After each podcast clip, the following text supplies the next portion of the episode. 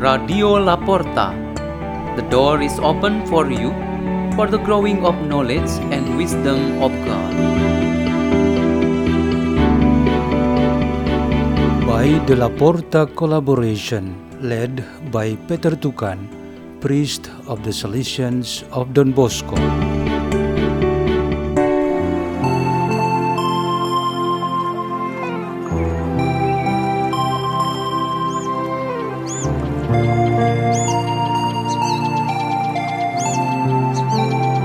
Readings and meditation on the Word of God, the 24th Sunday in Ordinary Time, September 12, 2021.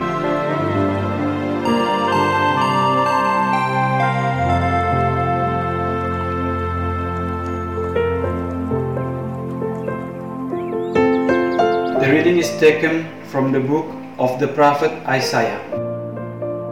The Lord God opens my ear that I may hear, and I have not rebelled, have not turned back. I gave my back to those who beat me, my cheeks to those who plucked my beard. My face I did not shield from buffets and spitting. The Lord God is my help. Therefore I am not disgraced.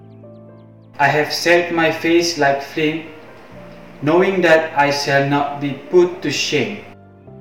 He is near who upholds my right.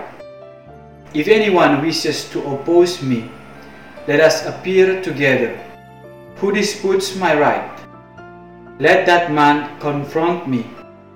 See, the Lord God is my help. Who will prove me wrong? The word of the Lord.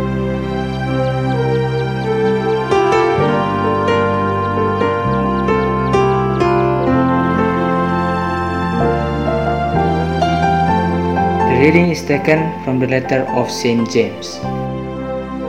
What good is it, my brothers and sisters, if someone says he has faith but does not have works?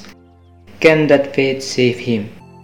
If a brother or sister has nothing to wear and has no food for the day, and one of you says to them, Go in peace, keep warm, and eat well, but you do not give them the necessities of the body, what good is it?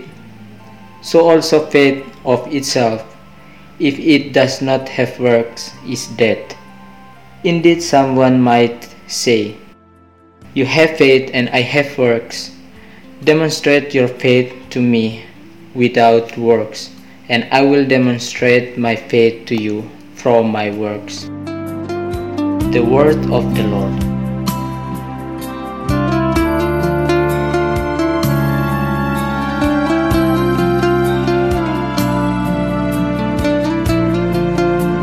Gospel of Jesus Christ according to Mark chapter 8, verse 27 to 35.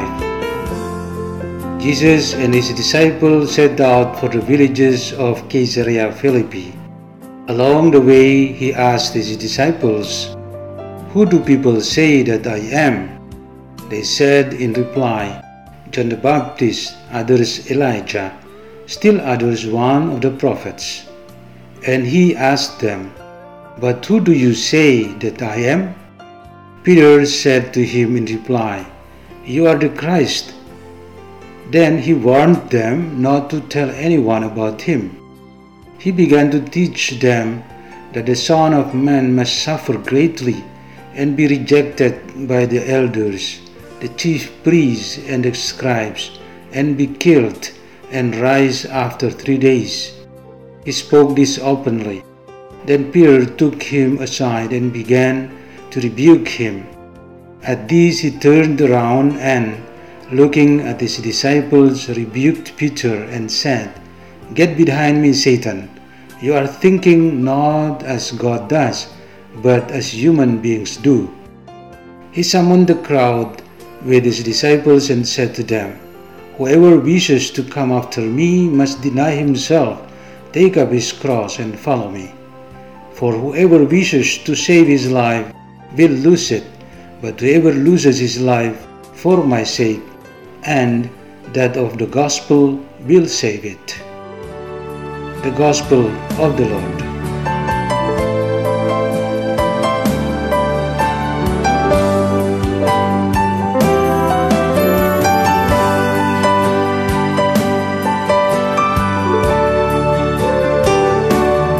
The theme for our meditation on this 24th Sunday in Ordinary Time is When Our Faith Lives.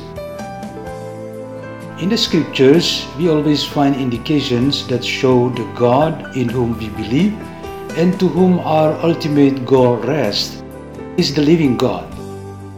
On the basis of this faith, we will always understand that our faith grows toward a true direction and achieves what God wants us to realize.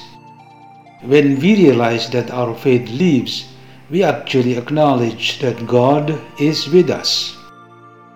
There is a house that looks complete with the building and all the furnitures inside. However, when approached and observed, it turns out that no one is inside it. All its corners are dark because there is no electricity. There is also no internet network. There is no water at all, so everything is dry and dirty. This is really a dead house. The dead faith is of the same type. There may be churches, shrines, and tools used for prayer. There are also believers and all the religious elements appropriately attached to them. However, if there is no living practice and living tradition that is well maintained and properly implemented, the faith is considered dead. In today's three scripture readings teach us three elements that ensure our faith to always live on. The first is what the Gospel of Mark proclaims, namely a true confession of faith. St. Peter gives us an example that the true confession of faith is in Jesus Christ as the Son of God who came into the world for us. Pope Francis once emphasized that the current trend of the world towards idols is a huge challenge to our sincere and true confession of faith. People who only depend on these world matters are the worshippers of idol. The second is that a faithful person should add to himself his real actions. St. James in the second reading teaches that faith that is practiced without works is a dead faith. For example, you establish within yourself that you truly believe in God, but you do not pray to Him, you do not fast, and you do not do charity. So, what you believe in is empty, vain, and automatically dies. The third is that a faithful person proves to be the true one when he is tested through adversity, suffering, and even the threat of death.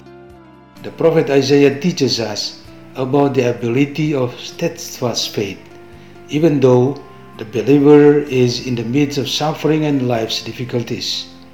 He truly believes that God is the only power on whom he depends.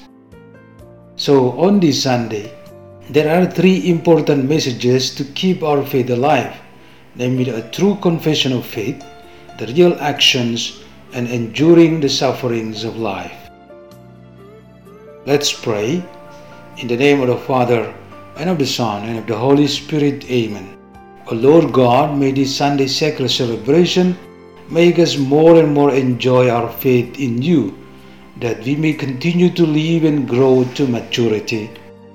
Our Father who art in heaven, hallowed be thy name. Thy kingdom come, thy will be done on earth as it is in heaven. Give us this day our daily bread and forgive us our trespasses, as we forgive those who trespass against us. And lead us not into temptation, but deliver us from evil. Amen. In the name of the Father, and of the Son, and of the Holy Spirit.